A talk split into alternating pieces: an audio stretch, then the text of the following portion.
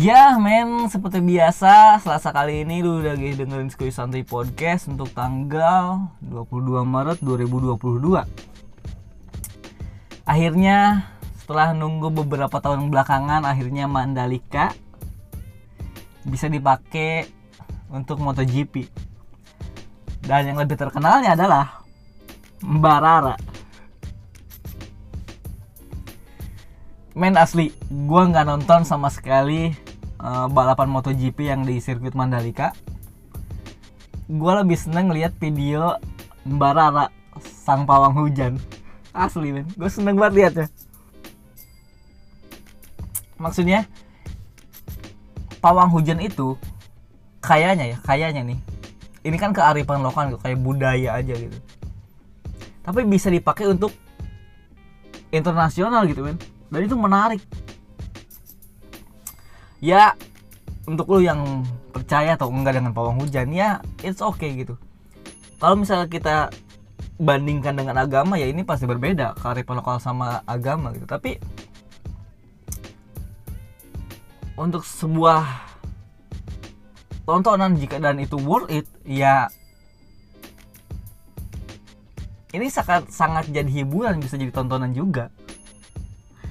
Tontonan bukan berarti kita nonton itu salah ya tapi kita mengenalkan budaya kearifan lokal ini gitu men ke internasional. Dan gue emang lebih suka lihat Mbara sih dibanding MotoGP nya yang dia jalan terus ngentong-ngentongin apa gitu terus dengan suara hua! gitu. Dan itu menurut gue menarik banget dan itu butuh mental yang sangat kuat loh untuk Bararanya sendiri man kalau misalnya Bararanya pemalu ditonton ratusan bahkan mungkin ribuan orang pasti bakal drop itu mentalnya man dan mental Barara itu mental yang sangat kuat bagi gue dan itu hujan-hujan dia. Gue lihat aja bener-bener so excited gitu man sangat. Gue sih cuma lihat potongan videonya doang di Instagram gitu di di mana? Di YouTube gitu. Dan lihat fotonya yang dia lagi kayak kayak layaknya pawang hujan. Itu sangat menarik bagi gue men. Terlepas dari percaya atau enggak uh, hujan bisa berhenti atau hujan bisa turun karena pawang hujan gitu ya. Tapi ini adalah kearifan lokal yang ternyata bisa dipamerkan ke internasional. Ini menariknya. Karena kalau misalnya MotoGP nya aja gue kurang suka gue tuh tahu MotoGP itu karena tahu satu nama yang besar cuma Valentino Rossi udah. Kayaknya nama Valentino Rossi juga lebih besar dibanding nama MotoGP-nya gitu. Iya nggak? Bahkan Valentino Rossi menurut gue jadi ya dia legenda di GP tapi namanya bahkan bisa lebih besar dari dari MotoGP olahraga bukan sih kayak misal kalau misal MotoGP itu olahraga gitu dari cabangnya sendiri gitu. Dulu gua kalau ditanya lu nonton Rossi nggak? Itu yang artinya lu nonton MotoGP nggak? gitu. Yang jadi kata Valentino Rossi itu jadi kayak kata pengganti untuk balapan MotoGP. Saking besarnya nama dia. Dan gue emang sangat suka Vale alias Valentino Rossi karena gue tau MotoGP dari cuma karena nama dia doang. Prestasinya yang sangat banyak. Berapa? 9, 9 apa 10 kali gitu dia gelar juara. Dia bahkan sampai usia tua sampai usia 40 lebih dia masih balapan. Gue tahu dia raja tikungan. Meskipun dia bukan tikung ya mungkin dalam hidupnya. Tapi dia raja tikungan di jago banget dalam masalah tikungan. Gue tuh suka sama Valentino Rossi karena dia jago tikungan yang lain lu lihat deh yang lain itu uh, uh, ngejar pembalap lain tuh di rata-rata di trek lurus. Rossi enggak Rossi itu selalu di tikungan dia pakai Yamaha Monster kalau nggak salah. Beberapa kali pernah pindah ke Ducati juga balik lagi ke Yamaha. Tapi yang menarik itu ketika seingat gue di waktu Rossi sama Casey Stoner sih. Itu kayak balap-balapan terus tuh. Itu Rossi masih performanya masih bagus ya sebelum 40 lebih usianya semakin semakin ke sini semakin turun itu bahkan sekarang udah pensiun kan. Pas lawan Casey Stoner uh, musuh bebuyutannya The Baby Aliens gitu. Si Mark Marquez udah makin turun tuh gitu. Gue tuh semenjak Rossi pensil aja gue udah udah malas nonton gitu. Semenjak Rossi performanya semakin turun sih. Dan yang perlu di ingat adalah keuletan dia. Dia tuh nggak pernah menyerah meskipun dia sampai di posisi berapa. Bahkan dia di usia senja pun masih bisa. Masih berusaha itu ya banyak Vale. Terus apalagi yang ramai belakangan ya? Mana gue sih cuma inget belakangan ini seminggu ini cuma inget Barara udah sama pawang hujan. Itu doang. Dan itu sangat menarik begitu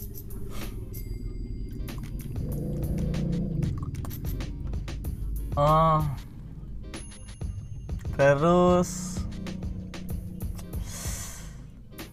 uh, uh, uh. puasa sebentar lagi ya. Men semakin berapa lama puasa? Kayak sekitar dua minggu lagi ya.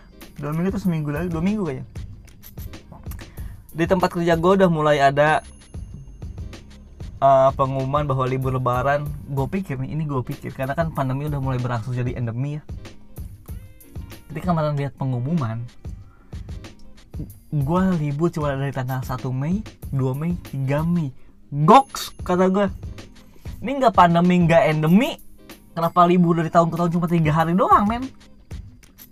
Gue aja kayak ayolah kata gue gue kayaknya kalau ngeliat perusahaan lain mungkin ada yang seminggu gitu. Gue udah berapa tahun ini hampir tiga tahun 4 tahun belakangan ini libur cuma tiga hari tiga hari lebaran ini nggak kerasa gitu kumpul sama keluarga.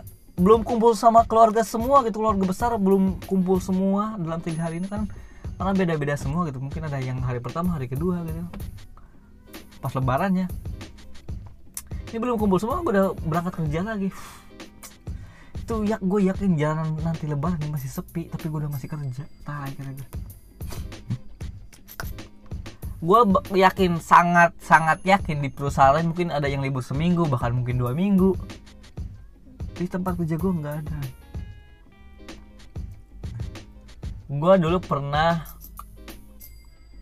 ngerasa libur lama itu di PT gue sebelumnya PT Jepang. Gue itu se libur sebelum lebaran tuh paling lama. Jadi orang-orang masih masuk gue udah libur. Berapa hari H min berapa lebaran gitu gue udah libur. Dan H plus lebaran ya gue masuk paling lama jadi gue total libur itu sekitar 10 hari hingga 14 harian. Dulu ya di PT Jepang. Sekarang semenjak gue masuk di PT Korea ini ini gak naiknya Korea gue libur tiga hari doang. 2000 berapa? 2019 pertama gue bekerja di Korea. Libur kalau nggak cuma 3 sampai 4 sampai 5 hari mungkin. Nggak nyampe seminggu. 2020 pandemi udah mulai masuk pandemi kan 2020 libur cuma tiga hari hamin satu. Lebaran H plus satu.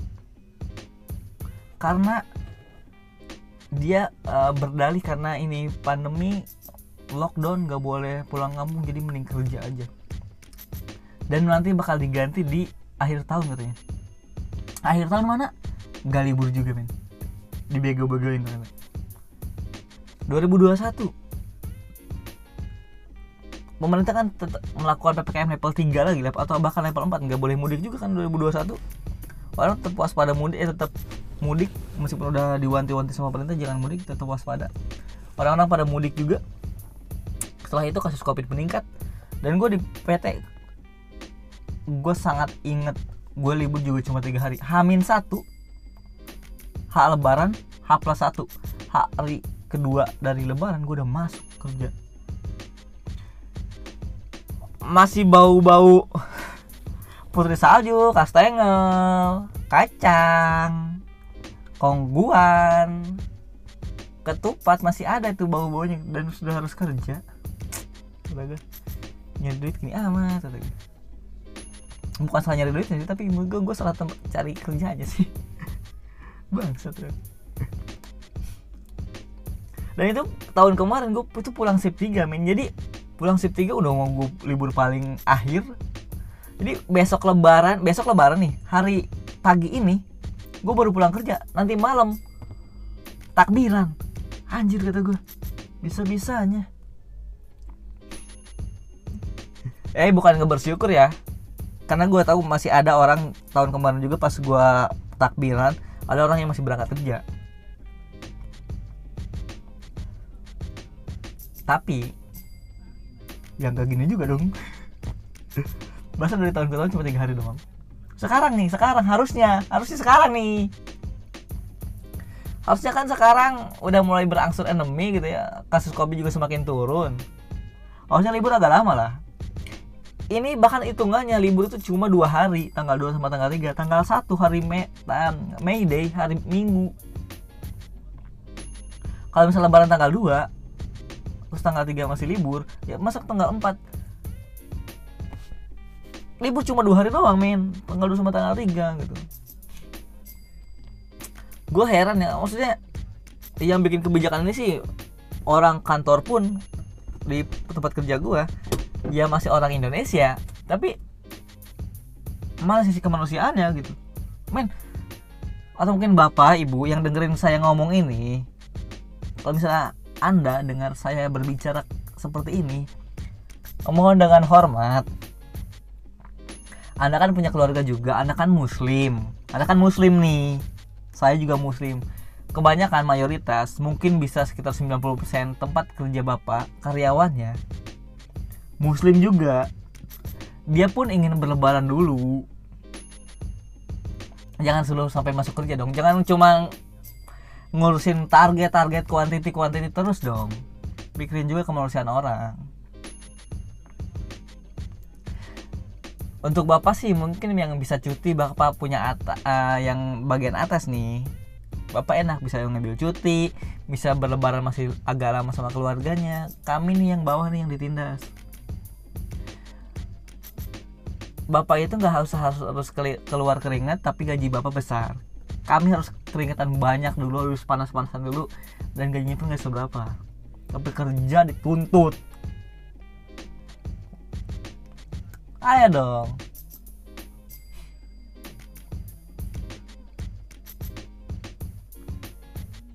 Saya kalau misalnya ada teman untuk demo saya mau lo jadi frontman ya pak. Saya ingin menyuarakan aspirasi uh, karyawan yang lain dan saya cukup yakin ini bukan bukan kebijakan bareng-bareng gitu. Yang dihasil remukan remukan dari orang gimana kalau misalnya kita uh, libur dari tanggal sekian dari tanggal sekian sampai tanggal sekian gimana? Ada remukan nggak? Menurut saya enggak. Ini kebijakan bapak aja. Tanya dong sama yang lain itu rembukan. Meeting. Meeting sama orang yang produksi di di bawah juga. Jangan cuma yang atas doang gimana baiknya? Kasihan loh yang bawah masuk saya. Ya mau saya mau dengan segala hormat tolong tumbuhkan rasa kemanusiaan bapak. Untuk kalian juga yang mungkin kerja di perusahaan lain ya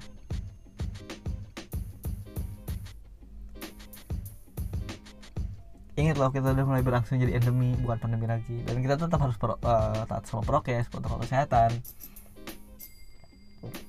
Tapi masih sih nggak ada perlawanan gitu. Segitu orang dari gua men. Ngegur tuh kali ini keresahan gue itu. Gue sangat keresah sama hal terakhir gue dan gue sangat excited ketika gue ngeliat barat segitu dong dari gue uh, tetap jaga kesehatan kalian tetap jaga diri kalian tetap patuhi protokol kesehatan kalian. See you next time dan gue Bobby. Bye bye